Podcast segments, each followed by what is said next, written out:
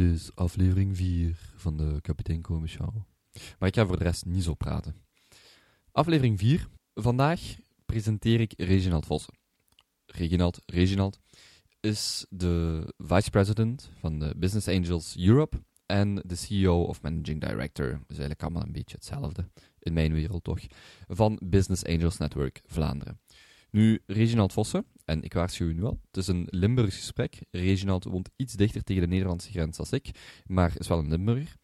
Um, Reginald startte zijn carrière, wel, start als student aan de Universiteit Hasselt, behaalde daar twee licentiaatdiploma's en vertrok iets daarna naar het buitenland, kwam terug naar België, werkte voor de provincie Limburg en is sinds de millenniumwisseling, jaarwisseling, millenniumwisseling, actief, of toch ongeveer in die periode, voor de Business Angels Club of het netwerk in Vlaanderen en bij uitbreiding Europa. Dit, is, dit was niet een van mijn eerste interviews, maar wel een van de eerste interviews waar ik buiten kwam en dacht: wauw, dit was echt leuk. En dat wil daarom niet zeggen dat mijn andere interviews niet leuk waren, maar ik had Reginald Vossen nog nooit gesproken of gezien. Ik was wel op de hoogte van business angels. Ik ben vrij geïnteresseerd in de diverse investeringsvormen, gaande van crowdfunding tot business angels, uh, tot een gewone financiering, een lening van de bank. En vanuit dat standpunt um, had ik voor Reginald Vossen een, een, aantal vragen. Een aantal vragen die denk ik, of waarvan ik dacht dat hij de ideale persoon was om te beantwoorden. Nu, door, door het gesprek heen zijn er ook wat vragen die meer naar hem persoonlijk gaan. En ik was heel positief verbaasd, of toch tevreden achteraf, dat hij uitgebreid de tijd nam om op die antwoorden in te gaan. Dat is niet altijd even vanzelfsprekend. Als er een jonge gast voor u zit met een paar leuke, maar ook een paar niet zo leuke vragen, wel, dat is misschien de perceptie. Um, kan ik niet altijd van iedereen verwachten dat ze zomaar met volle goesting en met volle overgave op mijn vragen antwoorden. Reginald deed dat wel. Reginald was eigenlijk altijd heel uitgebreid in zijn antwoorden, beheerst en achteraf, en dat gevoel had ik ook, best tevreden met zo'n interview. Best leuk om, om 50 of, of zelfs 60 minuten met iemand te praten over wat je nu eigenlijk doet. Nu, het gesprek focust zich vooral op, op business angels, op investeren, op um, bedrijven, ondernemers. Maar we gaan ook iets dieper op verhuizen naar het buitenland, op zelfreflectie, op hoe hij gekomen is tot waar hij vandaag zit en hoe hij verder naar de toekomst kijkt. Het spreekt voor zich, investeren, um, counseling, netwerken, komt er allemaal aan bod. Maar ik denk dat in deze 50 of 60 minuten er ook behalve die topics of die onderwerpen vrij veel leuke anekdotes en, en tips en raad uh, doorheen heel het interview te vinden zijn. Dat is het zowat. Dit is het laatste interview dat ik in 2015 publiceer.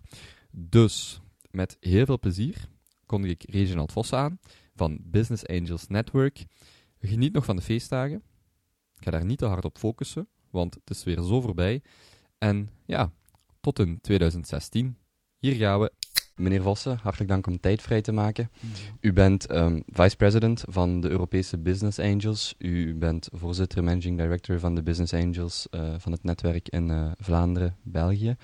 Voor de mensen die nog nooit met Business Angels in contact zijn gekomen of met u persoonlijk, uh, kan u even toelichten wat u vandaag voor BAN doet en hoe u hier terecht gekomen bent? Ja, uh, eh, BAN, dus het Business Angels netwerk op zich. Ik weet niet of dat ook wat toelichting mag, maar dat is dus een groepering, een VZW, een vereniging van uh, privé-investeerders. Dus we hebben in Vlaanderen ongeveer een 230 mensen die zelf hun bedrijf meestal verkocht hebben, of toch op een, op een of andere manier zich hebben kunnen organiseren, zodat, zodat ze zowel financieel, maar ook qua tijd uh, ruimte hebben om in jonge bedrijven te investeren, die er ook interesse in hebben. Hè. Dus vandaar ook dat we met investeerders als ondernemers uh, werken en niet met andersoortige investeerders die niks met ondernemerschap te maken hebben.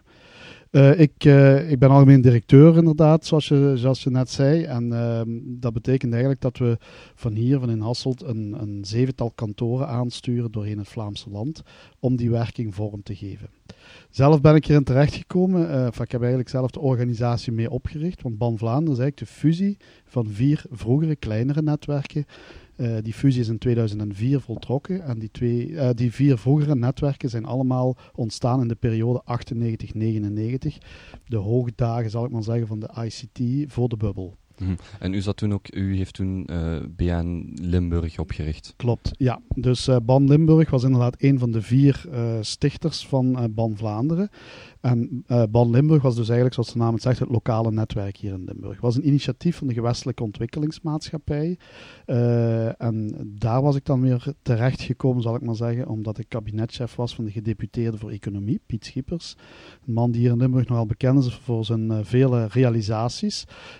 ook in de, in de periode van de reconversie en kort daarna. Um, en een van de initiatieven, toen ik bij hem binnenkwam, ik ben in 1998 bij hem als kabinetchef begonnen, een van de initiatief die toen ter tafel lag en niet van de grond geraakt was op dat moment, was het oprichten van een Business Angels netwerk.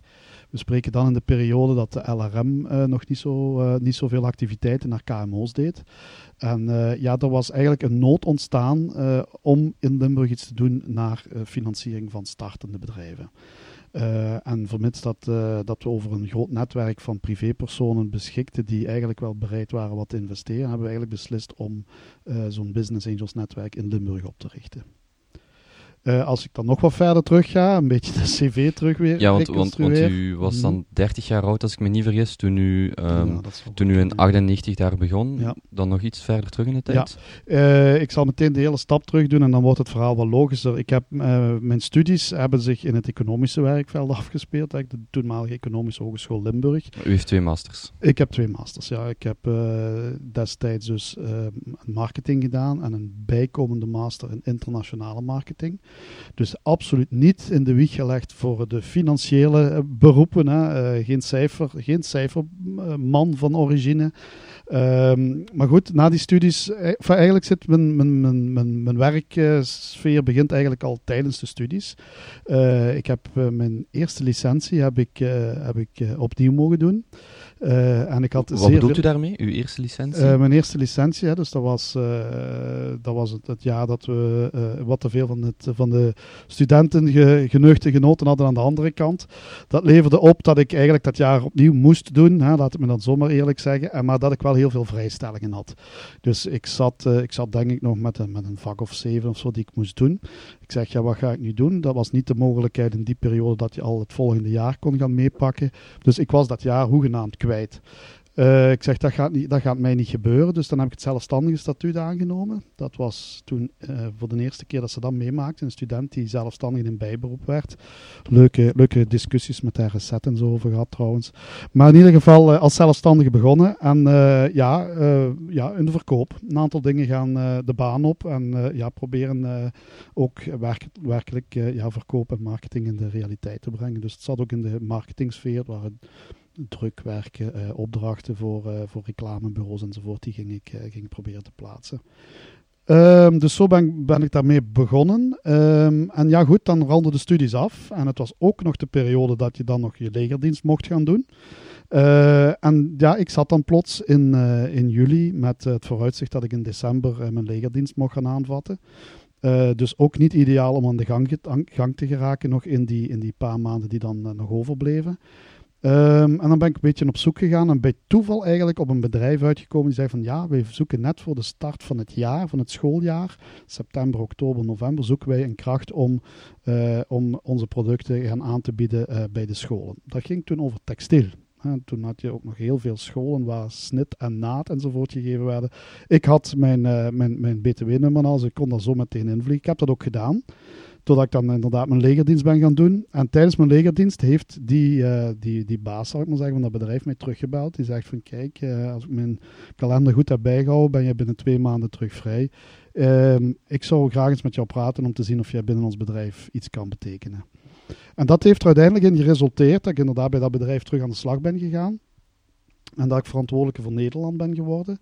Uh, heb dan een aantal jaren uh, ja, echt van uh, vrijdags, ik moet zeggen van zondagsavonds vertrekken met de wagen Nederland binnenrijden. Want ik moest volledig Nederland afdekken. dus zondagsavond vertrok ik en vrijdags, vrijdagsavonds kwam ik terug thuis. En dat was gewoon van hotel naar hotel. En hoe oud was u toen? dat is de periode 4,95 geweest, dus was ik 6, 27 jaar. Ja.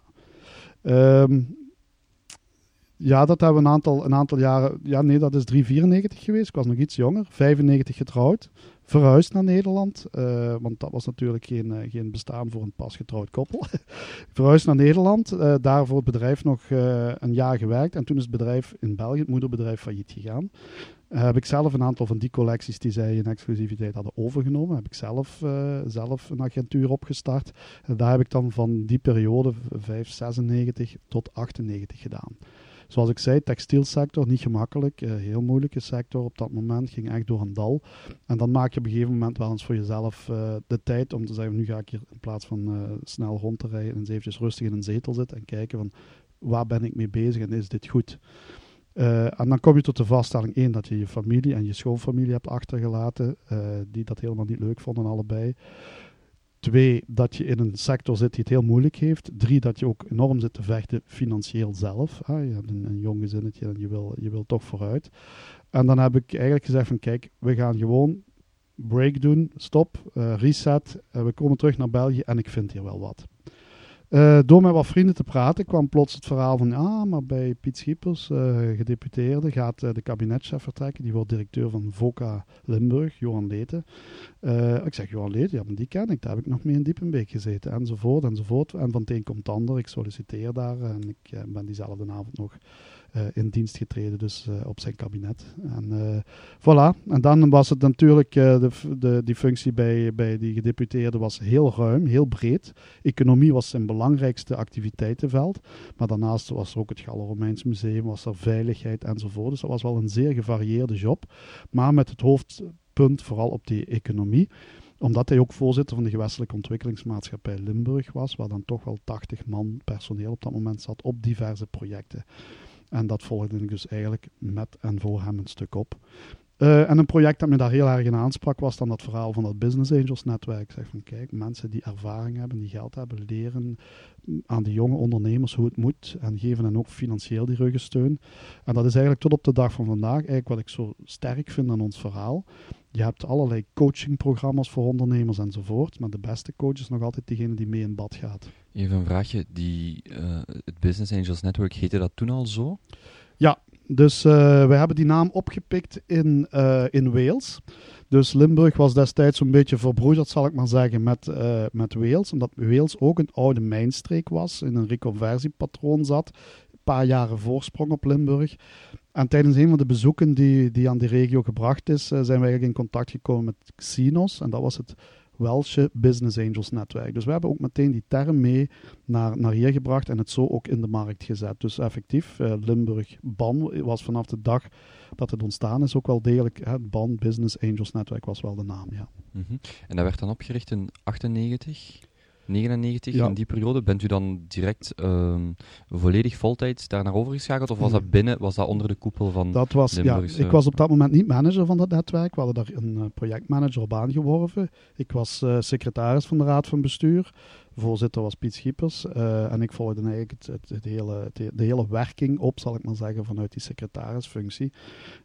zoals ik op dat moment ja, van meerdere organisaties de secretaris was. Uh, we hadden daar een projectmanager, uh, iemand uit het Antwerpse, die uh, ja, al die Limburgse contacten moest gaan bewerken. En dan krijg je toch een beetje die typische Antwerpse, Limburgse bots, laat het mij zo maar zeggen. Dus op een gegeven moment zegt die projectmanager ook, ik krijg die toegang tot die Limburgse Angels niet, kun jij me helpen? En eigenlijk was ik daar een stukje operationeel in betrokken geraakt vanuit die kant. Uh, ja, hij voelde dat hij dat project niet genoeg in handen had. En dan heeft hij op een gegeven moment gezegd van... Ja, eigenlijk stel ik toch uh, die functie ter beschikking. Want allee, ik, ik, ik, voel dat ik die, dat contact met die angels niet, niet, niet goed kan maken... gelijk ik het zelf mij had voorgenomen.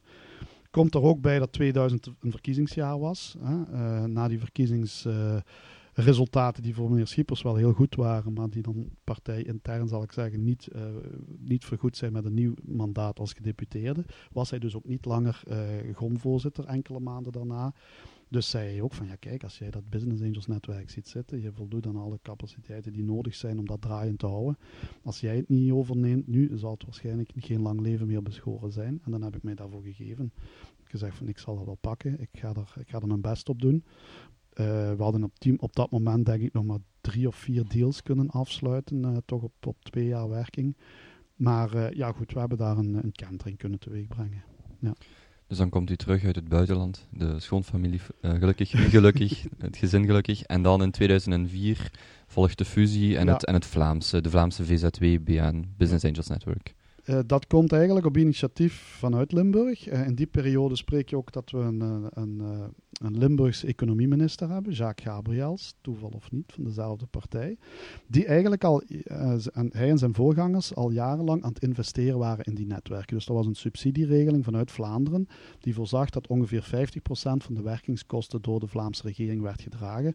In die zin van, ja goed, er is een, een manco in de markt, hè, in de financieringsmarkt, dat kunnen wij, of dat moeten wij als Vlaamse overheid uh, beantwoorden. Uh, ik heb er een aantal keer met hem en zijn kabinetchef Martijn Noel destijds over gesproken. Gezegd van kijk, eigenlijk eh, we zijn suboptimaal bezig. Je hebt vier netwerken van elk 40 leden pakweg. Die elk zo'n paar deals doen, vijf, zes, zeven in een gunstig jaar. Uh, eigenlijk is dat niet, niet optimaal. Ik zeg, die netwerken zouden eigenlijk moeten gaan samenwerken. Dat een angel uit uh, Geel ook in Tessenderlo kan investeren, om het zo maar te zeggen. Uh, ja, goed, dat was natuurlijk wel, uh, wel een heel goed voornemen. Maar je was eigenlijk ook in een situatie dat je met vier concurrenten was. Want ook angels gingen shoppen, ondernemers gingen shoppen. Die kwamen dan naar hier zeggen dat ze in Limburg gingen investeren enzovoort. Dus ja, goed, uh, die netwerkmanagers onder elkaar, dat was toch wel, uh, toch wel een speciale constellatie. Een aantal waren daar meteen open voor die gesprekken, een aantal anderen minder. Enfin, in ieder geval, ik heb de vier netwerken op een lijn kunnen krijgen. We hebben een nota voorgelegd aan de minister van kijk, zo zien wij het. Hij zegt, als jullie nu nog verder gaan en jullie komen echt tot een fusie, dan ben ik helemaal akkoord. Oké, nog een rondje onderhandeld en we zijn er geraakt. Dus in 2003 is daar best wel wat tijd in gekropen.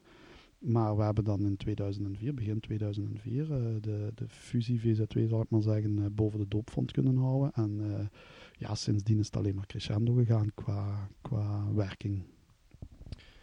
Uh, voor we dieper ingaan op, op Business Angels Network, met een paar specifieke vragen. Um, u heeft zelf twee masterdiploma's uh, in economische wetenschappen, dus u kan zeker wel met, uh, met financiële gegevens om. Moet elke aspirant ondernemer een balans kunnen lezen? nee, hij moet geen balans kunnen lezen, want dat, nee, dat, dat, dat gaat te ver. Hij moet wel met zijn adviseurs, uh, die hij rond zich heeft staan, wel een mooi voorstel en een doordacht voorstel op tafel kunnen leggen. Dat wil zeggen dat er een financieel plan bij hoort te zijn. Hè, laten we zeggen, hè, vooropgestelde resultatenrekeningen. De balans op zich is, is dan wel relevant daarin, maar vind ik dan toch al iets of wat uh, van, van secundair belang. Een cashplanning daarentegen verwachten wij ook, want het gaat natuurlijk over zorgen dat die cash drains ge geadresseerd worden met, met inkomstenstromen. En als dat niet vanuit, het, vanuit de operaties van het bedrijf komt, moet het vanuit de financier komen. Dus we moeten ook weten waar de putten zitten in het hele parcours. Dus in die zin, een, een, een financiële planning en een cashplanning uh, uh, vind, ik, vind ik eigenlijk het belangrijkste. Dat hij daar de balansen bij kan, kan, kan toveren en dat hij ze ook kan lezen, is natuurlijk meegenomen. Maar dat zien we dus meestal wel niet als een van de topcapaciteiten van een ondernemer. Hoor. Ik neem aan dat een aspirant-investeerder wel degelijk een, uh, een balans kan lezen. Hoe, hoe wordt iemand een uh, business angel binnen uw netwerk? Ja, uh, je kan lid worden op goedkeuring, want dat is de formele procedure, op goedkeuring van onze raad van bestuur. in praktijk werkt het zo dat mijn coördinatoren in de verschillende provincies met mensen gesprekken hebben die denken dat ze voor het business angelschap klaar zijn. En die gesprekken gaan dan over dingen als, ja, ben je bereid risico te nemen? Uh, weet je als je 1 euro wil investeren, dat je er nog eentje klaar moet houden en dat je er eigenlijk op moet rekenen dat je die 2 euro's de eerstvolgende 8, 9 of 10 jaar niet terug zult zien. Dus de, de illiquiditeit van een investering is wel een belangrijk aspect. Hè. De horizon die iemand heeft om te investeren is daarbij belangrijk. Uiteraard totale capaciteit. Hè. Uh, wat wij ook zeggen is dat je dit soort activiteiten niet moet doen met geld dat je nodig hebt. Of dat je misschien nodig hebt binnen die acht jaar. Dus eigenlijk gaat dit over ja, eh, de middelen die je op, uh, mag ik het zo zeggen, op overschot hebt. Waarmee je anders misschien uh, gekke dingen zou doen. In de zin van ja, een gokje wagen of, of, een, of een gekke aankoop zou doen. Dus je moet er eigenlijk vanuit kunnen gaan als investeerder dat je dat geld kwijt bent. Alles wat terugkomt is beter en is meegenomen en is, super. En geeft ook de genoegdoening natuurlijk. Maar de, de downside is dat je het kwijt bent. En dan moet je, moet je, moet je tegen kunnen en moet je ook niet nerveus van worden. Want dat is het laatste wat een ondernemer kan hebben uh, of moet hebben. Dus als natuurlijk de zaken iets minder gaan, dat hij ook nog eens een keer een hele nerveuze investeerder aan boord heeft. Mhm. Ik heb een paar euro op mijn rekening. Vanaf uh, welk bedrag wordt iemand serieus genomen bij, de, bij het netwerk? Mm. Uh, je moet ermee rekening houden dat wij investeringen typisch doen van een 150.000 euro. Hè, dus een bedrijf waar we dan typisch ook meestal twee, drie angels in hebben zitten. Dus dan zit je al rond de 50 tot 70.000 typische investering. Er zijn een paar dingen aan de lagere kant natuurlijk. Hè. We hebben dossiers waar 15 of 20.000 per, per kop ingaat. Maar goed, het lijkt me toch normaal dat je rekening houdt dat een investering je eh, ergens tussen die 50 en 70.000 euro zal eh, vergen. Waarbij het natuurlijk wel handig is als je één dat maal twee kan doen. Hè? Dus dat je, dat, dat je er een 100, 150 klaar hebt staan. En ten tweede, waar het ook heel handig is, als je natuurlijk meerdere investeringen kunt doen. Dus als je mij vraagt wat is de ideale beschikbare middelen hè, die je zo moet kunnen investeren, zou ik toch eerder richting 500.000, 600.000 euro spreken. En dat dan best zijn de 10% of zoiets van je beschikbare vermogen. Iemand die de vraag stelt, komt waarschijnlijk niet in aanmerking, neem ik aan.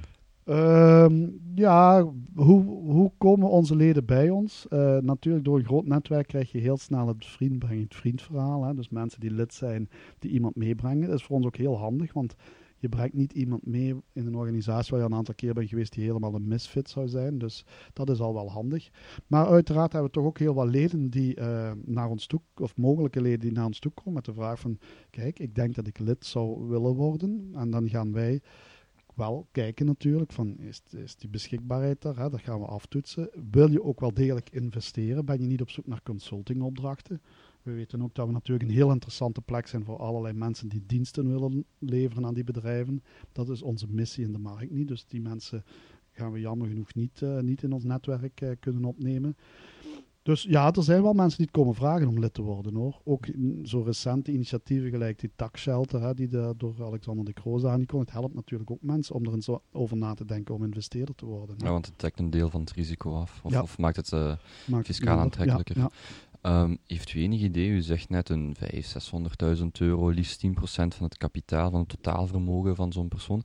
Heeft u enig idee wat de kapitaalkrachtigheid van het totaal aantal business angels in België of in Vlaanderen voorstelt? Over welke grootorde we dan spreken? No clue at all. nee, nee, daar kan ik, uh, kan ik echt zelfs voor mijn leden geen becijfering op geven. Je weet natuurlijk van een aantal mensen dat ze een heel goede verkoop hebben gedaan, maar je weet eigenlijk ook niet wat ze daar voor de rest uh, met die middelen uh, ook doen. We weten heel goed dat hetgeen dat wij doen zit in het meest risicovolle segment van hun investering. En iemand die bij ons meestapt zal al licht al heel wat in immobiliën enzovoort gedaan hebben en in, in private banking enzovoort. Dus uh, ik kan daar heel moeilijk een multiplicator op plakken die enigszins gefundeerd is. Ik bedoel, alles wat ik daar zou zeggen zou een slag in het wilde zijn dan doe je hem dan maar beter niet, want het gaat waarschijnlijk geen steek houden.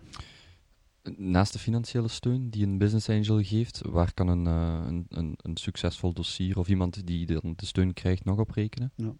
ja, het gaat inderdaad vooral ook over dat, dat, dat tweede aspect, hè, die know-how, die kennis, het netwerk. Hè, dus de ondernemer, business angel die investeert, is toch iemand die ja, succesvol is geweest. Anders kom je natuurlijk niet in die, in die fase, in die modus terecht. En die uh, gaat ook die, ja, het succes zoals hij het heeft kunnen schrijven, uh, ja, die factoren of die elementen proberen uh, bij dat bedrijf ook binnen te brengen. Dus hij gaat tijd erin steken, heel veel tijd. Hè. trouwens, de grootste bottleneck voor iemand om voor te blijven investeren is niet gebrek aan geld, maar gebrek aan tijd. dus hij gaat er heel wat tijd in investeren en uiteraard zijn contacten, zijn kennis ter beschikking stellen als we dan, en dat doen we, we bevragen dus ook die ondernemers van, kijk, waar hebben die angels je geholpen? Dan zie je dat die hulp meestal in het organisatorische zit, in het commerciële ook, maar iets minder, in het, uh, het administratief-financiële, zaken gaan beginnen uh, reporten enzovoort. Uh, het technische meestal niet. Hè? Dus het is niet zo dat een angel de, de technische meerwaarde in een dossier levert. In productie bijvoorbeeld. Ja meestal zijn de teams die naar ons toe komen voor financiering juist heel erg technische mensen, soms techneuten uh, tot, tot het techneutschap toe. Dus in die zin hebben zij de kennis meestal wel in huis. En is dat ook de trigger voor een business angel die meestal dan toch een generatie ouder is, om te zeggen van, oh ja, die mannen zijn vooruit, ik wil daarbij meestappen. En waar hij dan sterk in is, is een bedrijf klaarzetten voor de groei, om internationaal te gaan, om, om de markt op te gaan. Hè. Dus daar ligt de meerwaarde inhoudelijk van een business angel. Mhm. Specifiek in jullie gedragscode staat: business angels laten zich niet vergoeden voor geleverde steun aan bedrijven. Waarom wordt dat zo uh, expliciet geformuleerd? Uh, die gedragscode heb je op onze website gelezen waarschijnlijk. Uh, die staat daar ook bewust om mensen die juist naar ons toe komen om wel dienstverlening aan de bedrijven te gaan doen en zich daarvoor te laten vergoeden, om die van de deur te houden. Um, er zijn heel veel mensen op pad, en alle respect, dat ze hun kennis ook ter beschikking willen stellen, die uit multinationale omgevingen komen, daar redundant zijn geworden en op de markt beschikbaar komen. Misschien in een leeftijd zitten dat ze het wat moeilijker hebben om, om, om terug aangeworven te worden, zeker op niveau. En die zeggen van kijk, ik ga mijn kennis uh, via consulting beschikbaar stellen. Dat is perfect voor mij maar niet in ons netwerk. Hè. Bedoel, eh, wij kunnen wel consultants naast een bedrijf zetten, uh, als het bedrijf dat wil, als die investeerder dat wil, en dan is dat hun keuze, niet die van Ban Vlaanderen. De ondernemers die naar Ban Vlaanderen komen, moeten er zeker van zijn dat de mensen die daar zitten willen investeren. En dat dat smart money is, dat daar een, een kenniscomponent aan dat, aan investeren is dat, is, dat is zo en dat is maar goed ook. Dat onderscheidt ons ook van enige andere investeerder waar je dat nooit gaat hebben. Maar het mag niet alleen de kennis zijn. Het moet wel degelijk over investeerderschap gaan. En wij treden daar ook tegenop, hè, want af en toe zie je dan toch wel eens dat iemand uh, zo'n bepaald gedrag begint te vertonen. Van ja, ik wil wel investeren, maar uh, laat mij het financieel beheer doen enzovoort. Dan zit ik er lekker koud bij. En dan, ja, als er dan vergoedingen enzovoort tegenover komen, dan zeggen wij dat kan het principe niet zijn. Dat kan wel tijdelijk, voor alle duidelijkheid. Want dat staat er ook wel bij, dat we dat wel accepteren als een business angel tijdelijk echt veel tijd in een bedrijf moet steken maar hij moet niet jobseeking worden in de zin van ik ga investeren om dan mijn investering terug te verdienen in dat bedrijf op die manier. Uh, u haalde eerder aan dat de gemiddelde terugverdientijd of investeringsperiode 8 tot 10 jaar is. Is dat um, voor 80, 90 procent van de projecten zo, meer of minder? Of loopt het echt nog uit elkaar? Ja, het loopt, het loopt uiteen. het heeft natuurlijk veel met de exitroutes te maken die in een, in een dossier uh, vooropgesteld zijn of die mogelijk zijn. Uh, uiteraard, het, uh, het, het, slechte fruit valt het snelst van de boom. Hè. Dus alles wat, snel, wat slecht gaat, zal ook snel slecht gaan. Hè. Business angels zullen misschien nog een keer, tweede of een derde keer investeren. Maar als het dan niet echt naar de cijfers toe gaat die vooropgesteld zijn, zullen ze zeggen van laat het maar zijn. Dus daar zit je binnen de twee, drie jaar ten langste. Uh, als je werkelijk de, oogst wil plukken, dan zul je inderdaad acht tot tien jaar uh, geduld moeten hebben. Met uitzonderingen die daartussen zitten, of die zelfs sneller zijn. Een van de mooie voorbeelden wat ik graag noem is Gatewing, een bedrijf dat we twee jaar geleden verkocht hebben na 16 maanden. Waar de business angels toch echt een mooie multiple op hebben gemaakt. Dus dat kan. Maar dat, dat was ook een exitroute die geschreven was richting trade sale. Dat een grote groep dat bedrijf zou, eh, zou gaan, eh, gaan, gaan in de, op de radar krijgen. En, uh, en zou gaan willen kopen. En dat is gelukt als je spreekt in een verhaal dat iets minder snel groeit en waar het eigenlijk vaker dan de ambitie is om de initiële aandeelhouders terug te laten inkomen, ja, inkopen, dan zit je heel snel over de zes jaar heen. omdat je toch moet denken dat er heel wat geïnvesteerd wordt in die beginperiode om die groeicurve stijl naar boven te kunnen zetten. En dan heb je toch wel een aantal jaren nodig voordat je terug door het moeilijke punt bent. Stel een, een bedrijf waarin geïnvesteerd wordt door een business angel of meerdere kan ofwel 50 nieuwe jobs creëren of 500% opbrengst genereren. Waar gaat de gemiddelde business angel voor? ja, ik denk dat ik toch je, je ga verrassen daar hoor. Het zou natuurlijk het logische antwoord zijn van u gaat voor het grote gewin. Maar ik moet zeggen, veel business angels investeren toch van een soort, ik ga niet zeggen social responsibility, maar toch uit een gevoel van kijk, ik heb het goed gehad. Ik heb, uh, ik heb iets kunnen opbouwen. Uh, eigenlijk uh, komt het erop neer om de toekomstige generaties uh, ook die kansen te bieden.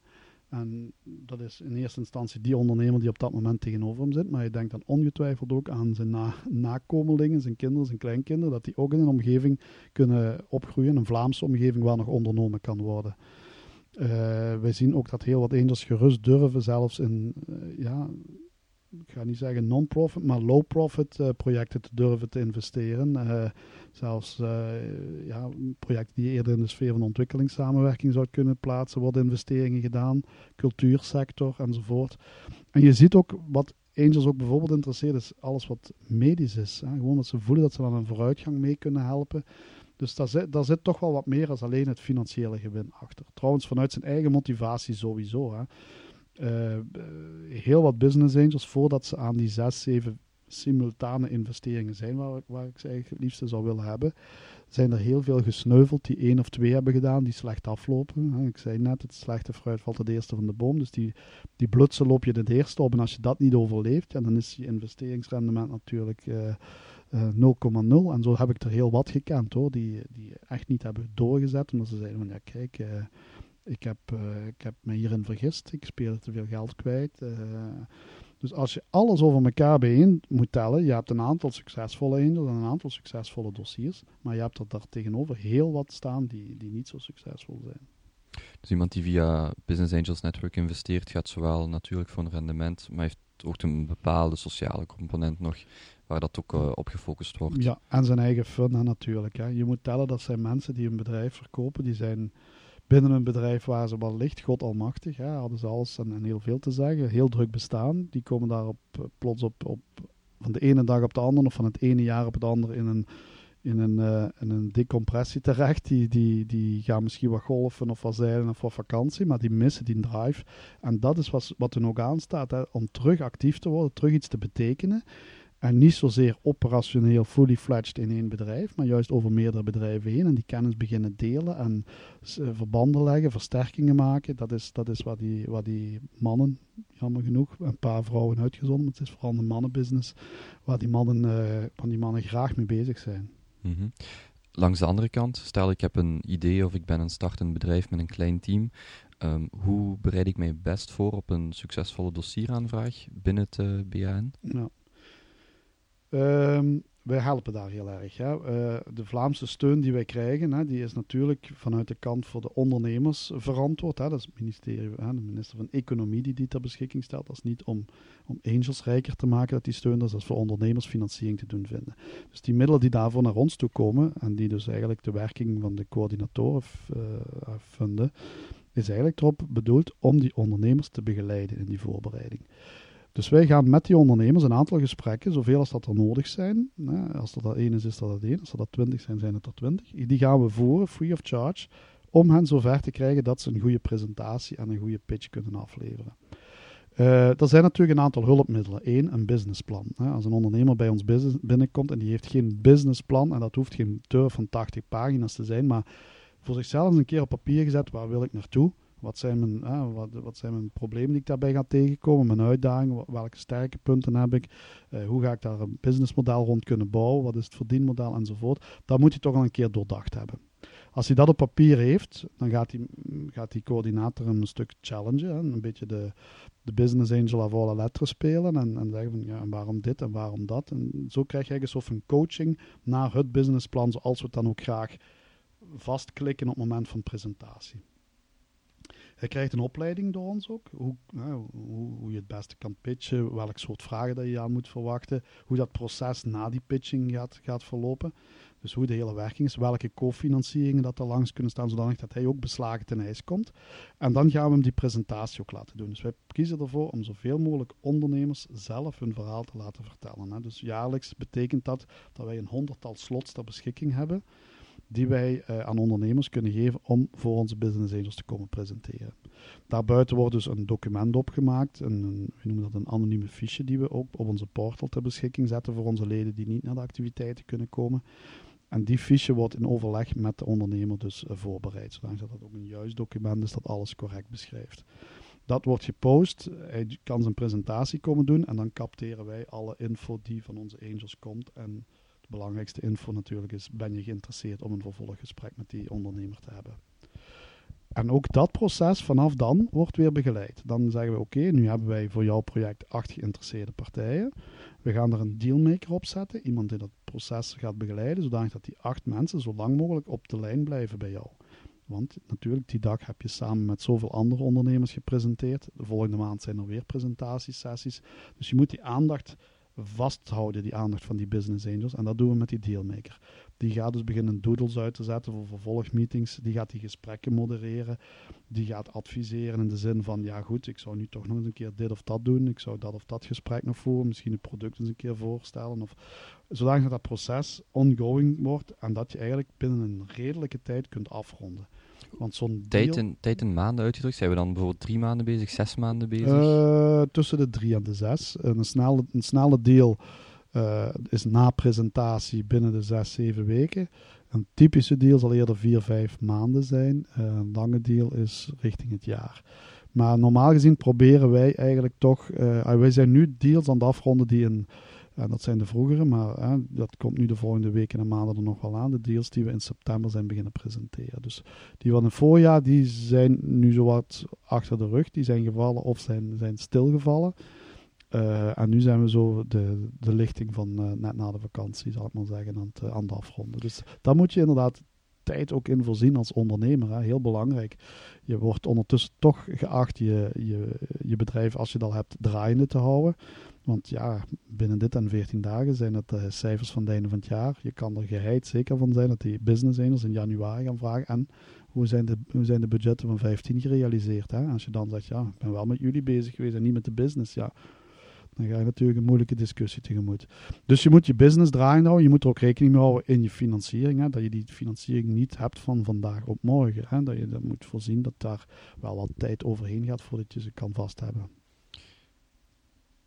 Zijn er bepaalde eigenschappen die u ofwel persoonlijk bij de aanvragers of bij de, de bedrijven die, die bij u komen aankloppen, die u steeds terugziet, die in succesvolle dossiers ja. steeds naar voren komen? Ja, voor alle duidelijkheid, hè, want ik was beginnen opzommen. Het businessplan is een belangrijke tool. Hè. Er zijn nog wel een aantal andere dingen die we graag, die we graag zien. Maar zeker ook wordt er door onze coördinatoren gekeken naar de persoonlijkheidskenmerken van de ondernemer. Hè. Uh, hoe luistert hij naar mij als ik hem vragen stel? heeft hij mijn vraag gehoord, begrepen en geeft hij ook een antwoord op mijn vraag? Uh, als ik suggesties geef, uh, hoe vaak moet ik ze geven voordat hij ze implementeert? hoe lang duurt dat voordat hij ze implementeert? Dus de reactiviteit, de connectiviteit, de flexibiliteit van zo'n ondernemer wordt wel gechallenged. Waarom? Het businessplan dat je hier neerlegt gaat nooit of te nooit het businessplan zijn dat je binnen drie jaar gerealiseerd hebt. Je gaat altijd moeten inspelen op, uh, op externe invloeden van mensen die tegenover je zitten of die langs je staan enzovoort enzovoort. Dus wij toetsen dat. Als iemand een gedrag heeft dat effectief... Je mag koppig zijn als ondernemer, dat moet ook zelfs. Hè? Je moet overtuigd zijn van je eigen gelijk.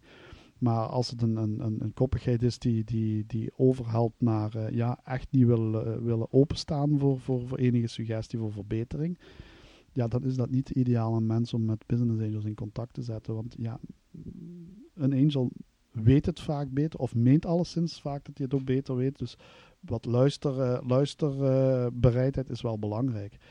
Uh, ook om, zoals ik zeg, later op verschillende invloeden en verschillende ja, dingen te kunnen inspelen waar je als ondernemer aan onderhevig bent.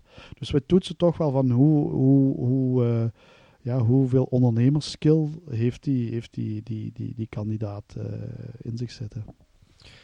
Ik ben dan eindelijk, of mijn dossier is eigenlijk goedgekeurd. Ik heb een business angel gevonden, of meerdere. Um, hoe voorkom ik dan dat die business angels, angel of meerdere, um, te veel beslissingsmacht krijgen binnen mijn bedrijf? Is dat een, een actief gevaar? Uh, daar moet je mee omgaan natuurlijk. Hè. Laten we daar heel eerlijk in zijn. Bedoel, uh, het grote voordeel is, een business angel gaat niet ondernemer terug willen worden in jouw plaats. En dat zoekt hij dus echt niet. Hè. Dus hij gaat niet hands-in. Hands-on is goed, maar nose-in en hands-in enzovoort, dat soort dingen, dat gaat hij niet willen. Is dat effectief een engagement of is dat een hoop die de aanvrager moet hebben? Is het effectief een engagement van de business angel binnen het netwerk om niet actief um, in het management te gaan uh, roeren of, of ja, de persoon van, vandaar ook, vandaar ook hè, die dingen over die vergoedingen enzovoort. Hè. Als je effectief operationeel gaat worden, dan ben je eigenlijk niet als business angel niet goed bezig. Dus um, om terug te komen naar je initiële vraag. Het is eigenlijk de bedoeling dat een business angel uh, een coach speelt voor een zes, zevental bedrijfsleiders simultaan, teams simultaan. Want heel vaak is het binnen die teams ook nog niet allemaal goed uitgeklaard wie wat gaat doen. Um, hoe kun je dat indekken? Ja, één, de, de business angel zal 9 kans op 10 geen meerderheidsaandeelhouder willen worden. Dat is niet het principe wat wij aankleven. Hè. Dat is ook niet wat wij verkondigen als we business angels uh, aan boord halen. Van ah, je moet best meerderheidsaandeelhouderschap pakken. Nee, hij zal meestal in een minderheidspositie gaan en dan meestal nog een kleine minderheidspositie. Dan spreek ik beneden de 25 procent. Uh, hij gaat misschien wel de zaken zo organiseren dat hij een aantal blokkeringsminderheden heeft. Hè? Dat je zegt van kijk, dat mag niet. Maar daarmee is hij nog niet aan het sturen. Hè? Eh, als hij zegt van ja, met die 100.000 euro die ik erin steek, eh, ga jij geen, geen, geen Porsche kopen, om het zo maar te zeggen. Dat kan hij tegenhouden, maar hij kan andere dingen niet tegenhouden door. hij kan andere dingen niet forceren. hij heeft alleen maar een soort van, van, van, van, van tegenhoudrecht. Uh, het kan natuurlijk wel zo zijn dat ja, als er een bepaalde evolutie in het bedrijf is en er moet geld bij enzovoort, dat hij natuurlijk wel zijn aandeel gaat omhoog bouwen. Maar dat heeft dan ook weer een stuk te maken met een businessplan dat niet gerealiseerd wordt. Dus daar wordt dan ook vaak gekeken van hoe kunnen we dat op een goede manier organiseren. Dat ja, als we op een gegeven moment merken dat het businessplan niet gerealiseerd wordt en er moet geld bij, hoe gaan die aandelenverhoudingen dan zich verhouden? Uh, waarbij het van ons uit naar de business angels altijd een les is van probeer uw ondernemer wel gemotiveerd te houden. Hè? Dus er zijn allerlei systemen, ratchet down enzovoort, waarbij je kan zeggen van ah, als je dat niet haalt, dan krijg ik zoveel aandelen van u over als business angel. Dan ben je dus je, eh, je ondernemer aan het demotiveren. Hij heeft steeds minder van iets wat ook nog slecht gaat. Bedoel, wat gaat zijn inspanning nog zijn? Dus en meestal voel je ook, als je inhoudelijk met de, met de business angels gaat praten, dat dat ook wel de frustratie is. Dat in de verhalen waar het slecht gaat, dat ze eigenlijk veel te weinig mogelijkheden hebben om dingen op te leggen. Hè. Ze kunnen alleen maar dingen tegenhouden en zien het eigenlijk soms met leden ogen gebeuren dat het bedrijf wegkwijnt. Dat is een frustratie soms. Dus, uh, maar ja, goed, als, het, als je als team dan als ondernemer met meerderheidsaandeelhouderschap niet wil die hulp afroepen, ja, dan, uh, dan ga je allebei de dieper in. Hè. En dat zien we dus ook gebeuren. Dus als je daar straks vroeg van wat zoek je in een ondernemer, ja, dan zoeken we die flexibiliteit. In die zin dat je met elkaar minstens kan praten als het moeilijk gaat. Uh, alle dossiers die fout aflopen en we maken een postmortem, is het typisch aan het team dat het ligt. Dus heel veel signalen gegeven, heel expliciete signalen soms, en niet willen, niet willen luisteren, niet willen opvolgen. Volhouden in, in, in ja, ik heb hier een, een roer vast van een boot en al is de boot aan het zinken. Uh, ik heb het roer nog altijd vast, ik wil dat niet los. Heeft u binnen het netwerk bepaalde KPI's of richtcijfers of um, waarden waarmee u uw eigen succes als netwerk opmeet? Ja, absoluut. We hebben, uh, het is niet dat we een VZW zijn, uh, dat wij niet, niet professioneel georganiseerd mogen zijn. Dus wij volgen al onze werking op met een boordtabel die maandelijks wordt, wordt geüpdate, eigenlijk ongoing, maar maandelijks maken we daar een status op. En er zijn een aantal uh, ja, procesmatige KPI's en een aantal, uh, een aantal resultaats-KPI's. Uiteraard de resultaats-KPI bij uitstek is het aantal deals. Hè? Dus wij willen jaarlijks toch minstens 22 deals doen. Uh, Onafhankelijk van de grootte van de deal. Ja, dus in aantallen gesproken 22. Uh, omdat wij, als we daar alleen maar naar de grootte gaan kijken, trouwens, dat is een KPI die de Vlaamse overheid ook beloont. We hebben een, een stukje variabele uh, subsidie op basis van het aantal deals. Vlaamse overheid ook. En wij vinden het ook belangrijk dat deals van 20, 25, 50.000 euro ook geclosed worden. Hè, als je alleen maar naar de grootte zou gaan kijken. Uiteraard hebben wij KPI's op uh, op financieel vlak. Hè, hoeveel succesfee uh, innen wij? En die succesfee is wel gerelateerd aan de grootte van een deal. Op een grotere deal gaan wij meer aanbrengfee uh, innen dan op een kleine deal. Bestaat die succesfee uit een percentage op het geïnvesteerde ja, bedrag? Klopt. Ja, okay. dat is een percentage dat we op dit moment nog altijd aan de kant van de investeerder innen. Hè. Dat heeft te maken met onze wetgevende uh, context waarin we inzetten. Wij mogen dus aan de kapitaalzoekende bedrijven die, die fee niet, niet innen. Dus wij vragen die bij de investeerder, die weet dat ook. Um, dus uh, die hangt inderdaad af als een percentage. Dat begint aan 5% voor de, de, eerste schijf en dat zakt zo naar, naar een half procent uh, naar gelang dat het bedrag groter wordt. Dus dat is eigenlijk onder het markttarief, zal ik maar zeggen. Hè. Als je normaal financiering gaat op, ophalen, is 5% onze wat het minimum. Maar goed, dat heeft te maken omdat wij natuurlijk een stuk onze werking, uh, we zijn geen for-profit organisatie, dus onze werking draait ongeveer break-even op de lange termijn, dat is goed. Ehm, dus uh, dat is ook een KPI. Uiteraard is, zijn er dan een aantal uh, stappen tussen. Hè. Je moet veel angels hebben om veel deals te doen. Dus wij willen uh, sowieso boven de 120 angels blijven. En zitten jullie daar nu ook boven? Wij zitten op 230 op dit moment. Hè. Voor mijn, mijn, persoonlijke ambitie is om altijd boven de 200 te blijven. Maar we zijn bijvoorbeeld wel kwalitatief. We hebben ooit wat hoger gezeten. We zijn nu twee jaar wat strikter in het binnenkomen van angels enzovoort. Uh, wat ook merkt dat we daardoor eigenlijk een veel kwalitatievere, kwalitatievere groep krijgen. Uh, dus het aantal angels is belangrijk, het aantal dossiers dat we presenteren uiteraard. Hè. Uh, wij proberen erop te mikken dat ongeveer een 500 ondernemers per jaar ons, ons, ons adresseren. Daarvan zullen wij dan de 100 beste presenteren, ongeveer. De benedengrens ligt daar op 85 tot 100 kunnen we doen. Dus dat is ook een KPI waar we naar richten. Hè, dat, we, dat we 85 tot 100 goede dossiers uh, per, jaar, per jaar vinden. En dan ja, hoeveel matching events enzovoort dat we doen. Uh, dat gaat zelfs, er staan KPI's op hoeveel bezoekers dat we op onze website willen binnenkrijgen, minimaal. Dus er staan heel wat, uh, heel wat targets die dan op ieder niveau van al mijn coördinatoren staan, van mijn dealmakers en van mezelf. Uh, en waar we dus ook gaan, gaan kijken maandelijks van zit je erop, zit je eronder, uh, hoe doe je het in de klas om het zo maar te zeggen. Hè? En dan bespreken we die cijfers ook. Van kijk, jij brengt er zoveel van die fase naar die fase en jij doet dat maar met zoveel procent. Wat doe jij anders? wat kunnen we van elkaar leren? En het is zelfs dus gekoppeld aan de vergoeding van het team. Hè? Voor alle duidelijkheid, het hele team bestaat uit freelancers. Hoeveel zijn dat er dan? Uh, ik heb vier frontcoördinatoren. Uh, ik ben zelf ook freelancer in deze organisatie. Ik heb acht dealmakers.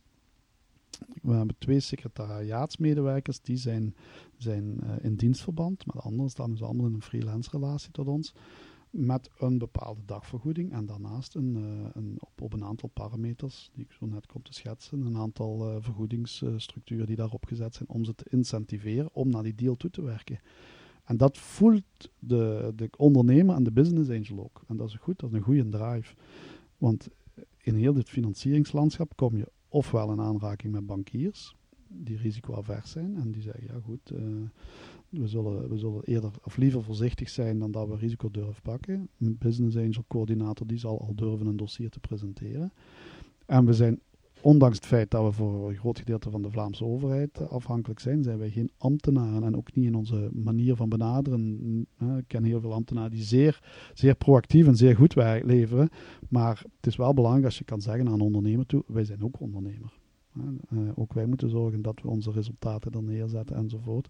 En dat geeft ook een, een goed gevoel in heel het netwerk u richt dan het Business Angels Network Europa op, of samen met, met Europese collega's wordt het opgericht. U uh, schopt het daar of wordt daar direct vice president. Um, hoe doen Belgische business angels het? En ziet u culturele verschillen tussen al die verschillende landen? Ja. Of netwerken? Ja, ja, ja dat klopt. Uh, er, zijn, er zijn wel degelijk verschillen, maar we hebben eigenlijk die BAE opgericht omdat we met een groep waren van ja, meer mature netwerken uh, die ook mooie resultaten in de markt zetten. En we hadden gezegd van eigenlijk moeten we ons verenigen. Er bestaat een andere Europese koepel, hè, waar ik sinds, sinds 98 uh, naar de meetings ga. En eigenlijk zijn we vanuit Limburg-Ban destijds ook medestichter van die koepel, EBAN genaamd, die eigenlijk gaandeweg de deur meer en meer heeft opengezet naar andere financieringsbronnen. En ja, goed, met de uitbreiding van Europa kwamen daar natuurlijk ook telkens nieuwe lidstaten bij met nieuwe netwerken. En ik heb daar zelf een heel, heel wat jaren uh, in verschillende landen het concept van business angels gaan promoten en, en, en hen geholpen om die expansie te doen. Maar wat we steeds meer merkten was dat wij zelf eigenlijk niks meer leerden. Hè. Wij hadden het netwerk waar, eh, en dat mag wel gezegd zijn, uh, Ban Vlaanderen is bij uitstek het meest performante netwerk op het Europese continent. Ik moet enkel een beetje voor Londen enzovoort onderdoen, maar goed. De, de markt is daar ook uh, anders risico, veel meer risico-minded en een aantal fiscale incentives die we tot voor kort niet hadden, bestaan daar al heel lang. Maar op het continent zijn er weinig netwerken die in een regio van 5, 6 miljoen uh, inwoners uh, 20, 30 deals neerzetten. Dus in die zin uh, zijn wij wel ergens een van de, van, de, van, de, van de Champions League spelers, om het zo maar te zeggen. En ehm, we hebben er eigenlijk een aantal kunnen detecteren in, in, in Europa waar we zeggen van oké, daar kunnen we goed mee samenwerken. En de ambitie eigenlijk ten grondslag van die BAE is om, om een soort van spokes channel te hebben voor die goede netwerken.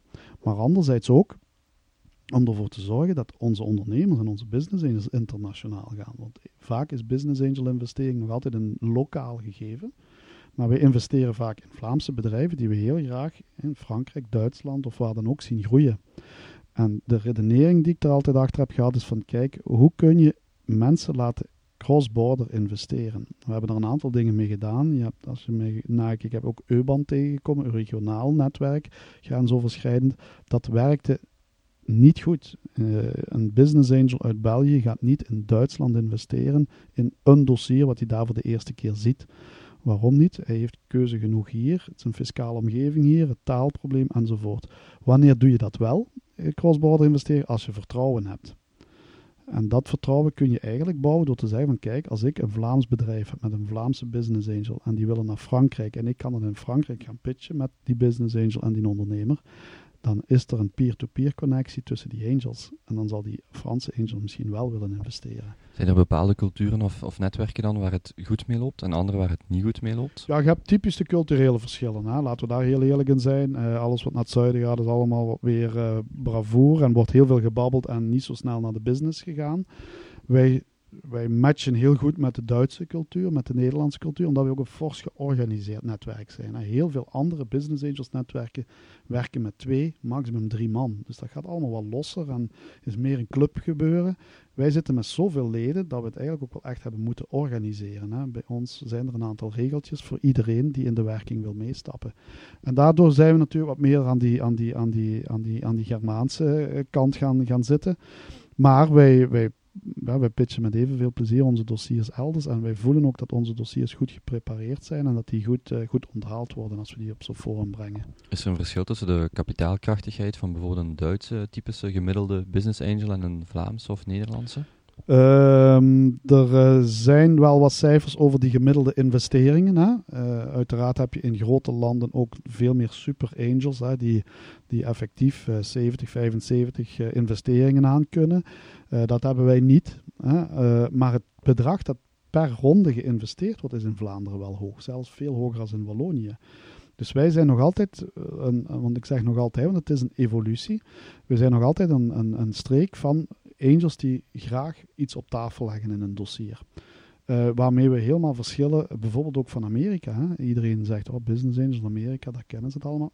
Ja, daar kennen ze maar dat poelen ze veel meer. Daar wordt gewoon met 20 angels van elk 10.000 dollar, wordt 200.000 dollar op tafel gelegd. Hier gebeurt dat soms door één, maximaal door drie. Hè? Uh, dus uh, dat is een andere manier van aanpakken. Uh, zes, zeven jaar geleden waar 200.000 altijd alleen gedaan. Hè. Ik bedoel, dat was zo typische uh, gedrag van een Vlaamse business angel. Ik zie een dossier, dat is de goudvis, ik investeer dat en de anderen hoeven niet mee te doen. We hebben syndicaatvorming in onze taakstelling staan. We hebben die zelf ingeschreven omdat we dat belangrijk vinden dat je wel poolt met anderen u bent net geen 50, maar wel al vrij lang actief in de, in de sector van risicokapitaal. Uh, hoe ziet u de komende 10 à 20 jaar evalueren? evolueren? Ja. Sorry. Ja, er gebeurt nu momenteel enorm veel. Hè. Uh, er worden, die, de markt wordt enorm gechallenged. Je ziet enerzijds een, een, een, een, een, uh, een constructie ontstaan van meer samen te gaan doen. Hè. Dan spreek ik over fondsen die ontstaan. Uh, mensen die eigenlijk individueel business angel zouden kunnen zijn, die zeggen we gaan het geld poolen en we gaan dat samenzetten en we gaan investeren, vooral in de IT-sfeer. Omdat dat ook mensen zijn die zich, kennen vanuit het ondernemerschap. Hè. Uh, ik denk Jurgen Ignels, dat soort mensen die toch groepen van investeerders rond zich verzamelen en, en zo gaan investeren. Dat is één trend die je ziet en waar wij dus wel degelijk rekening, mee moeten uh, houden. Dat betekent voor ons natuurlijk ook zorgen dat we nog altijd goede inflow blijven krijgen, want die hebben natuurlijk enorme netwerken waaruit ze de inflow sourcen. Anderzijds zit daar ook een latent gevaar in. Je hebt altijd uh, een aantal voortrekkers en mensen gaan, ondernemers gaan die, dat fonds of die cluster uh, associëren met die persoon. En dat is misschien juist geen connectie. Hè? Uh, dat kan ook soms het geval zijn. Anderzijds zie je dat er ook een democratisering is. Iedereen wil investeren, iedereen wil helpen en iedereen wil ook misschien financieel gewin doen. En daar zie je dan de crowdfunding ontstaan. Hè? Dat is een enorme beweging toch in Vlaanderen op gang gekomen. De eerste golf is ge geweest een jaar of twee, drie geleden met een aantal initiatiefnemers Ze noemden het zelf toen de tsunami. En ja, ik heb dat ook begrepen, want na de tsunami bleef er een beetje puin achter. Hè. De eerste initiatiefnemers hebben eigenlijk eh, tot op heden nog niet veel kunnen realiseren. En eigenlijk de markt misschien zelfs een beetje negatief achtergelaten. Maar er komt een tweede golf aan. En daar zijn we ook heel degelijk mee in, in onderhandeling. Daar gaan we ook samen mee investeren. Want dat is ook de bedoeling, dat we proberen mensen te poolen die samen iets voor het bedrijf kunnen betekenen. Een crowdfunding platform is een enorm waardevolle markttoets voor een bedrijf. Of voor een concept. En daar houden wij van. Business angels hè, moeten zelf beslissingen nemen over iets wat ze wat kunnen inschatten vanuit hun achtergrond. Maar hoe ziet de markt dat? En van de andere kant, crowdfunding platformen zoeken eigenlijk een degelijke financier die aan de juiste waarde instapt aan de juiste terms and conditions. En dat kan een business angel zijn. Dus daar hebben we voordeel met elkaar. Uh, het gaat erop aankomen, zodra dat nu, en dat zit er toch de volgende maanden, als ik het goed begrepen heb, aan te komen, dat een aantal van die crowdfunding platformen iets of wat betere juridische omgeving krijgen in Vlaanderen, want uh, de FSMA heeft daar nog niet zoveel duidelijkheid in gegeven. Die zou er dus wel komen en dat maakt het voor ons wel gemakkelijk om met die samen te werken vermits dat wij een stukje door de overheid gefinancierd worden, kunnen wij natuurlijk geen enkel risico lopen op het gebied van ja, dingen niet volgens de lettertjes van de wet te doen. Hè. Dus uh, twee trends. Hè. Clustering samenzoeken, hè, uh, versterken. En dat is goed, want er moeten dieper pockets komen. Veel bedrijven die nu nog in Vlaanderen te weinig doorgroeifinanciering vinden, die gaan die hopelijk daar wel vinden. En anderzijds, ja, laten we de democratisering noemen, of het feit dat iedereen mee wil stappen in die, in die beweging en, en aan ondernemerschap wil helpen het verhaal rond ja, hoe, hoe, hoe hot is ondernemen, dat is een verschil van dag en nacht tussen nu en, en, en de periode 2004. Hè. Aangezien ik je tijd wil respecteren, ga ik uh, overstappen naar een paar persoonlijke vragen nog, die, ik, uh, die ik altijd leuk vind om te stellen, zodat mensen um, een beter beeld krijgen of iets meer inzicht in, in, in de persoon en hoe dat die tot uh, bepaalde ideeën komt. Um, misschien eerst een gemakkelijkere vraag. Wat ziet u als de grootste uitdaging van België in de komende vijf à tien jaar?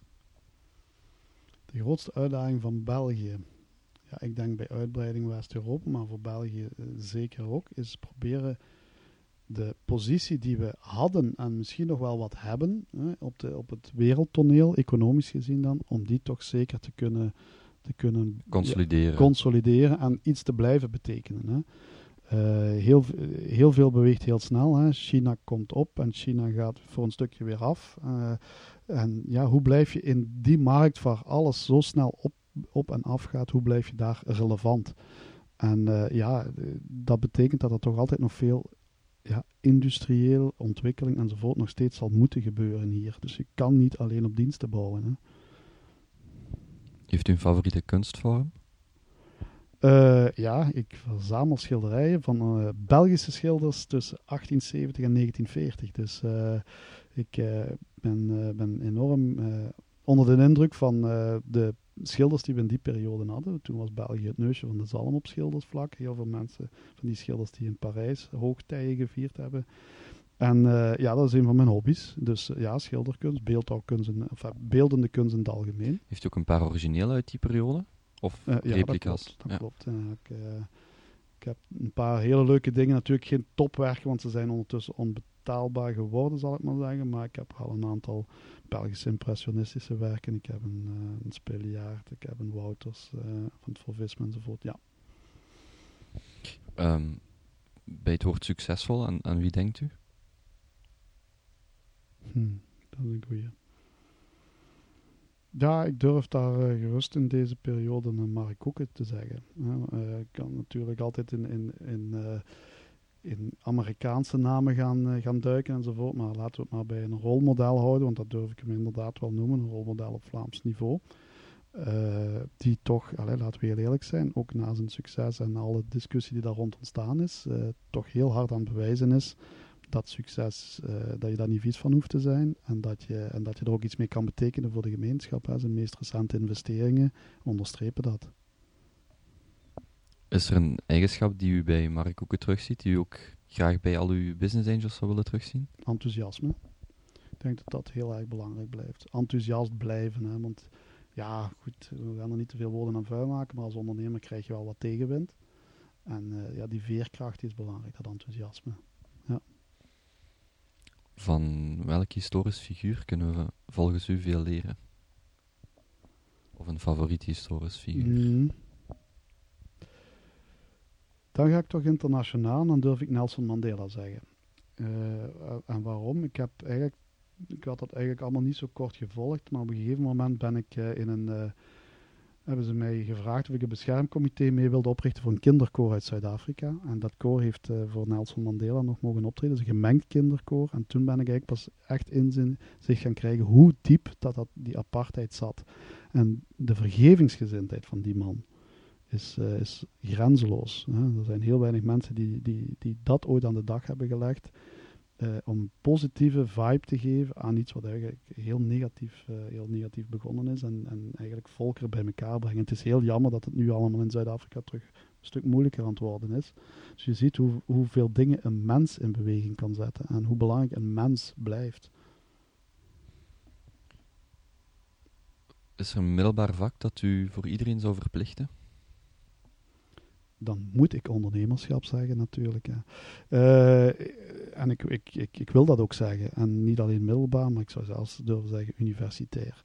Uh, een van mijn frustraties na het behalen van mijn eerste master was het feit dat ik geen enkele bedrijfservaring had buiten, wat was het, 40, 50 dagen stage voor mijn eindwerk. En die ondernemer had gezegd van, bij mij, voor mij hoef je hier niet echt te zijn, hè. je hebt in de gaten wat het over gaat, schrijven we boel maar. Dus, uh, dus ik, daar stond ik dan hè, met een, een, diploma economie en ik had nog geen bedrijf van binnen gezien. Ik zeg van oké, dat is ondertussen veel veranderd hè, sinds, sinds, uh, sinds begin jaren negentig. Maar hoe vroeger, hoe beter. ik, bijvoorbeeld thuis, ik heb, ik heb een, een, dochtertje van 11 en een zoon van 14. Wij spreken heel veel over ondernemerschap thuis. Omdat we dat belangrijk vinden dat ze dat ook meekrijgen. Niet zozeer ondernemerschap om financieel te gaan, maar gewoon dingen ondernemen, dingen doen verenigingsleven uh, u inzetten uh, en zaken opbouwen, vind ik ontzettend belangrijk. Die, dat soort sociaal engagement ook. Mm -hmm. Dat is ook ondernemen. Zijn dat specifieke waarden en normen die u in uw opvoeding ook meeneemt? Heel, waar u specifiek op focust? Uh, ja, ik denk dat openheid belangrijk is. Met mensen durven praten, maar wel uit respect. Je ziet, je, allee, uiteraard sociale media op, op bij uitstek, maar ook zo in communicatie zie je vaak dat mensen uit heel weinig respect nog met elkaar eh, communiceren. En dat vind ik wel belangrijk. Uh, uh, respect van wat iemand gedaan heeft of waar iemand voor staat, wat iemand wil doen. En ja, goed, eerlijkheid hoort daar natuurlijk ook bij, maar ik vind vooral het respect voor iemand hebben dat, is, dat is cruciaal om dingen ook samen te kunnen gaan doen. Is ook het eerste waar ik altijd van vertrek als ik uh, samenwerkingsakkoorden eh, sluit. Hè. Ik heb er net een ontwerp naar een van de crowdfunding platformen gestuurd, een ontwerp van samenwerking. Het vertrekt best altijd vanuit respect dat je voor elkaar hebt, voor de rol die je vervult. Als je zegt van ik heb geen respect in zo'n ding, dat wil zeggen ik wil misschien zelfs proberen jouw activiteit in te pikken dan zal het samenwerkingsakkoord geen, eh, geen stand houden. Hè. Dus je moet, moet weten wat je doet, en weten wat een ander doet en daar respect voor hebben. Is er een boek dat u iedereen zou aanraden? Onze Chinese versie van Angel Investing, wat we net zijn gaan voorstellen in Peking. Dat, is ehm, het boek van het Business Angels Network Vlaanderen of uh, Europa. Ja, nee, ik heb meegeschreven aan een, aan, een, uh, aan een boek dat in het Amerikaans of in het Engels verschenen is. En eh, het is plots ook beslist dat het ook in het Chinees ging verschijnen. Dat China enorm opkomt rond angel financing. Er zijn uiteraard een hoop mensen die die uh, financieel daar uh, de mogelijkheden krijgen om te gaan angelen. En dan hebben ze gevraagd aan een aantal netwerken uh, over, over de wereld heen om hun bijdrage te leveren, om te beschrijven hoe die groei ontstaan is. En als je het kan lezen, mag je het mee hebben, maar het is volledig... Ja, zie, voor, de, voor de mensen die het natuurlijk niet zien, het is nee. in het Chinees. Is, is dit ja. een boek waarvan u zegt, dat mag iedereen eens lezen om uh, Ja, het is ook in het Amerikaans. Het heet Angels, uh, of in het Engels dus, hè, Angels Without Borders heet het in het Engels. En dat is dus ook uh, verkrijgbaar. En het geeft een mooi overzicht over waar wij in ons segment mee bezig zijn. Hè. En daar komt het ook weer, die, die ondernemers, investeerders die wij aan boord hebben die zeggen van ja goed, uit respect voor die nieuwe generatie ondernemers die opstaat, willen wij iets doen. Dus het is een beweging eigenlijk een stuk. Het is geen secte, maar het is toch een beweging die op gang gezet is. En dat vind ik ook zo mooi aan de crowdfunding. En dat er heel veel mensen zeggen van wij voelen dat er moet ondernomen worden, wij willen daar deel van uitmaken. Voorlaatste vraag. Um, u bent nu einde 40, ik zal het zo zeggen. Ehm, als u kan teruggaan naar uw 25-jarige zelf, of pak misschien 18-jarige en 25-jarige zelf, wat zou u vertellen? Welke raad zou u meegeven? Uh, welke raad dat ik nu zou meegeven aan een 18-jarige? Aan, uw, aan uw 18-jarige zelf. Oeh. Aan uzelf als u terug kon gaan. Mm durf. Durf. Uh, want je weet niet alles op voorhand. ik ben een deel dingen tegengekomen die je natuurlijk niet verwacht en die je leven bepalen, maar door een aantal keuzes wel te maken, vallen er vakjes en ga je bepaalde richting uit. Dus durf, durf dingen te doen. wees niet te bang. Ehm, en uh, ja, durf ook te, te, evalueren. Ik denk dat dat ook wel gemaakt heeft tot waar ik, of, wie ik nu ben of waar ik nu sta. Dat is dat ik regelmatig de tijd neem uh, om, ja, om voor mezelf af te vragen wat zij aan doen. En ook aan anderen te vragen wat zij aan doen. En, en hoe, hoe zie jij dat wat wij doen en hoe percipieer je dat? Dus ik denk dat dat belangrijke aspecten zijn. Durven, evalueren en ja, samenwerken. Hè. Ik ben altijd een verenigingsmens geweest. Dus voor, ik zit hier bij. Mensen zeggen dat was je, je zit zo'n actieve, waarom springt jij niet eens naar een andere job? Ik ben altijd een verenigingsmens geweest. Ik heb heel veel verenigingen mee opgestart en, en, en, en jarenlang uh, behartigd, zal ik maar zeggen. Dus ik zit hier ideaal. Ik, uh, ik bedoel, ik kan het economische en het ondernemende mee vormgeven. En uh, van de andere kant ben ik eh, continu met een groep mensen bezig die dat in een, in een, ja, met een gezamenlijke doelstelling doet. En dat is enorm rewarding. En u geeft ook diezelfde raad aan uw 25-jarige zelf, die dan eh, de durf heeft getoond om naar het buitenland te gaan en, en terug te komen. Toch hetzelfde? Ja, of ik denk dat anders? daar dat moment misschien die evaluatie wel belangrijk was. Hè? Uh, op die fase. Je kan doorgaan op een pad, hè? Uh, maar als je voelt van eigenlijk is dit niet wat ik zou willen doen, ja, pak dan niet die, die, die, die veiligheid of die zekerheid of, die, of, of ja, durf dan gewoon de, de kaart te keren. Hè. Uh, er zijn zoveel opportuniteiten, er zijn zoveel mogelijkheden. Uh, en als je, als je stevig in je schoenen staat, kan je, kan je de hele wereld aan. Hè.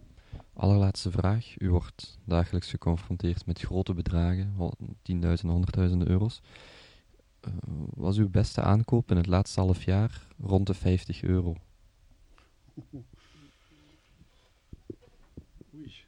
rond de 50 euro beste aankoop.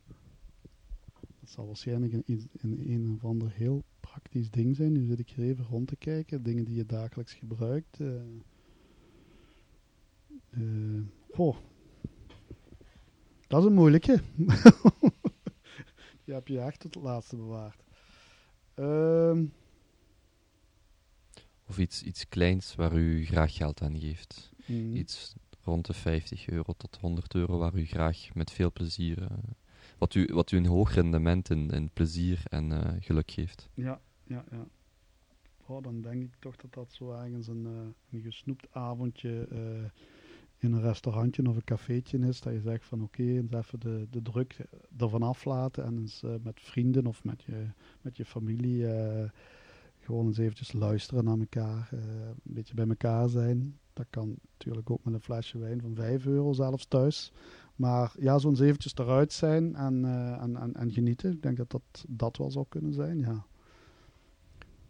Voor de niet-Limburgers, misschien een, een, een tip in Hasselt of in omstreken? Een goed plekje voor, voor, uh, voor, voor onder de 50 euro te gaan eten. Ja, rond, ja, rond die 50 euro, ja. ja, ligt aan hoeveel volk dat je meepakt. Hè. Nee, ik heb, uh, al wel, dat ga, ga ik nu eens een hele rare geven. Hè. En, en dan gaat het zelfs niet over eten. En dat is inderdaad wel een, een, een leuke uitstap geweest. Um, we hadden een etentje gehad met een gezelschap en uh, we waren wat vroeger klaar dan voorzien. En het was in de buurt van mijn geboortedorp. We ben van kan, kan afkomstig aan de grens bij Maastricht.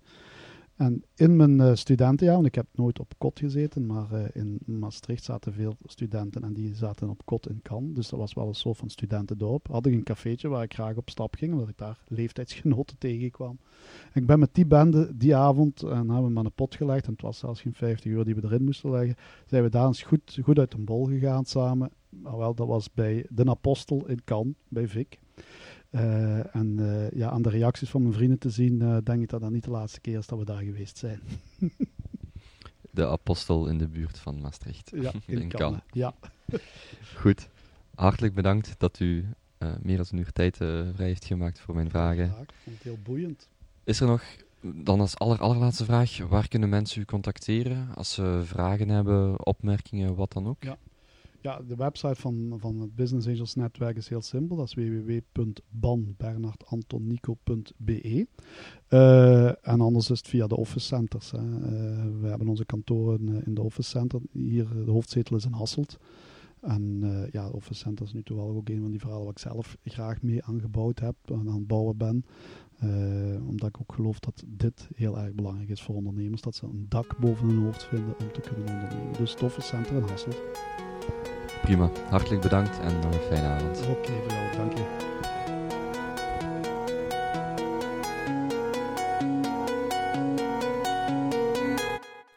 Dit was het interview met Reginald Vossen van Business Angels Network. Voor meer informatie, show notes, links naar alles wat wij besproken hebben, ga naar www.kapiteinkobe.be slash rv. Reginald Vossen dan word je doorverwezen naar het artikel dat bij deze aflevering hoort en worden alle relevante links en, en verwijzingen uh, gepubliceerd en daar kan je die vinden. Een reactie achterlaten, wat dan ook contact opnemen. Um, kies maar. Voor meer informatie over de Kapitein Kobe Show, check gewoon kapiteinkobe.be. Alles aan elkaar geschreven, ei met korte ei, uiteraard. En ja, um, ik ben vrij enthousiast om, om eigenlijk het nieuwe jaar 2016 aan te vatten met alle interviews die ik nog heb klaarstaan en die ik nog ga af. Ga... Ik ben vrij enthousiast. Um, ik ben enthousiast. Dit is het derde interview dat ik dit jaar lanceerde. Uh, eerst Peter Bertels, dan Roland Duchatelet en nu Reginald Vossen. En ik kijk met veel goede moed naar 2016 uit. Er staan nog een race met heel interessante personen klaar wel, interviews die ik al opgenomen heb, maar ook nog andere interviews die ik nog ga opnemen. In januari en februari het, reis ik het land rond, op zoek naar die toffe mensen en de toffe verhalen. Ik kan daar nog niet te veel over zeggen, maar hou zeker de website in de gaten en dan komt alles in orde. Heel fijne feestdagen, geniet ervan en tot in 2016. Ciao!